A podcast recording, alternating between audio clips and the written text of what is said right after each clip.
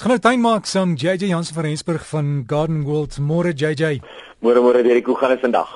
Voor die wind, ek het vanoggend gesien toe die son hier in Johannesburg opgekom het, het hy so rooi gloed hier teen van die wolkies gemaak. Maar so 'n so paar vaal wolkies wat hier en daar ronddryf en ek dink die herfs is hier. Jy kan dit sien in die lug JJ. O nee, definitief, jy kan dit sien in die lug. Weet jy, dit word lekker koel cool. en ja, dit is hierdie tyd van die jaar wat 'n mens eintlik lus is om nog steeds buite in die tuin te werk, maar nou doen jy dit in die warmer tyd van die dag. Waar ek gewoonlik in die koeler tyd van die dag doen, wil jy dit nou in die warmer tyd van die dag doen. En dit is wat dit so lekker maak. Weet jy, Dirk, ons het laasweek toe praat ons 'n bietjie oor van die plante wat in blom is en toe praat ook van die crocosmia, die vallende sterretjies. Mm -hmm. En ek praat altyd van hoe mens jou bolle dwars deur die jaar moet voed. En die belangrikste ding is eintlik om net te wag voordat jy daai krokosmies voordat jy hulle terugsny want ongelukkig word hulle verskriklik lelik nadat hulle geblom het. Moet mense hulle laat aanhou blom en aanhou groei totdat die plante self teruggevrek het tot in die bol bolletjies self en ek sien baie mense vra Hoekom blom my bolle nie elke jaar nie? En dit gaan maar net oor die voeding en dit gaan oor die behandeling. As jy nie 'n bolle dwars deur die jaar voed as hulle blare aan het nie. Jy hoef nie net te voer as daar blomme is nie, maar as jy hulle nie voer as daar blare aan is nie, dan gaan jy vind dat hulle gaan nie genoeg energie in die plante hê nie of in die bolle hê nie sodat hulle nie volgende jaar vir jou net sulke mooi blomme kan stoot nie. Die ander ding is natuurlik as jy mens kyk na jou crocosmias, jou vallende sterretjies, mens kry hulle in verskillende kleure of verskeie kleure maar nadat hulle nou mooi teruggevrek het, kan hulle mense hulle so te sê enige plek in die tuin omtrent plant.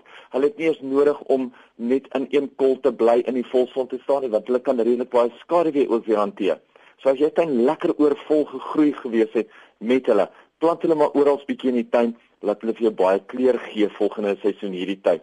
Elke maand is daar mos ook 'n saailing van die maand en hierdie maand is dit liewekkie se beurt. Nou onthou, Liebekkies is daai tipe van plante wat redelik baie ryk nog steeds kan hanteer. As jy hulle nou plant, gaan hulle nou al kan vestig. Deur die winter vir jou 'n bietjie kleur gee en in die lente gaan hulle ontspring in baie baie kleur. So kyk of jy 'n bietjie van daai liebekkies in die hande kan kry. Mense kry mos deesdae die korter variëteite, jy kry ook die langer variëteite. Daar's geweldig baie verskillende tipes wat jy kan kry wat 'n mens ook oral in die tuin kan plant. Laasweek het ek baie gevra, baie gepraat oor die winterbeskerming van ons plante.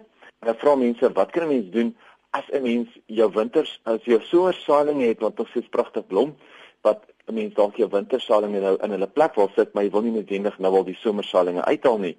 Nou baie van jou somersaalinge kan 'n mens eenvoudig terugsny en hulle sal weer die wintersaalinge redelik beskerm word en hulle kan weer volgende jaar terugkom. Soos byvoorbeeld die begonias, die impatiens, die New Guinea impatiens, die sun patiens, al daardie tipe van somersaalinge.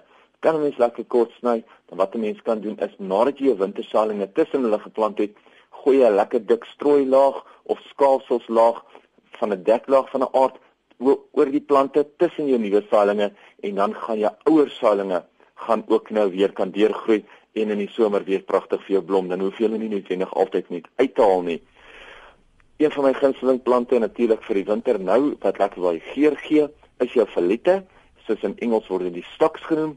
So as jy wil kyk na geurende winterplante, gaan kyk vir jou na jou stocks, jou Virgin, Virginian stocks. Dit is nou natuurlik die filette waarvan ek gepraat het. Die freesias en bolplante, jou narcissus, jou papierwit, narsings in die winter en ook een van die dae gaan ons die tuberoses weer hê. Dan kan mense hulle ook plant. Hulle gaan weer vir jou lekker baie geur gee. Ek het hierdie week het ek 'n paar e-posse gehad van mense wat gevra het ek moet asseblief vir hulle daai afwerende insekplante uh deurstuur laat hulle bietjie vir my uh, laat ek vir hulle die name kan gee. Maar baie mense verwar dit ook nou weer met plantmaats. Nou onthou plantmaats is nie insekafwerend nie.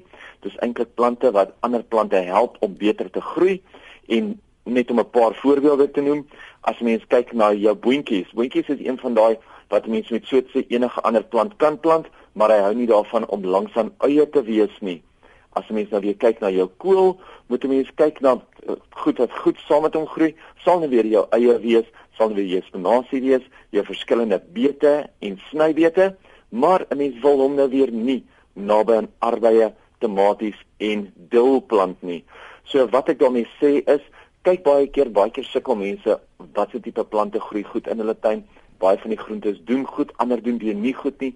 En kyk bietjie of jy nie dalk net die verkeerde plantmaat reg langs aan daai plant het nie om seker te maak dat hy vinnig gaan groei nie. Wat ek gaan doen is ek gaan 'n lysie van die verskillende plantmaats sommer op ons Facebook sit. So vir die van julle wat nou dan wil gaan loer, gaan kyk na ons Facebook, soek net Garden World Nursery en jy sal ons kry en dan sê jy sommer hierdie plantmaats lys ook daar kry.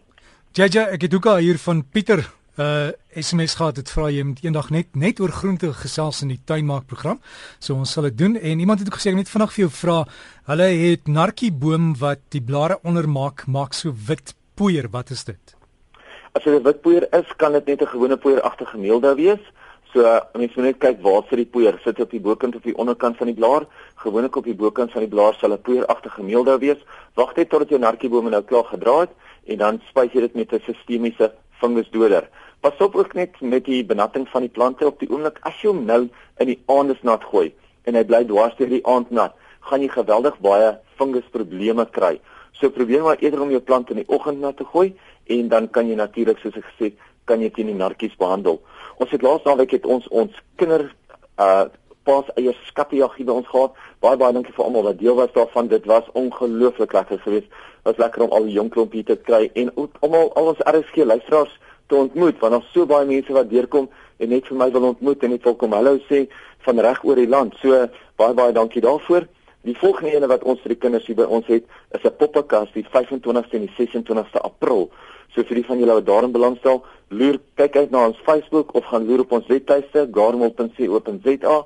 Maar ja, daar's heelwat lekker uh gebeure vir die kinders wat op die oomblik oral oor die land gebeur. Gaan kyk bietjie, moenie hulle net na gewone fliek toe vat of iets van daai aard nie, probeer bietjie iets anders.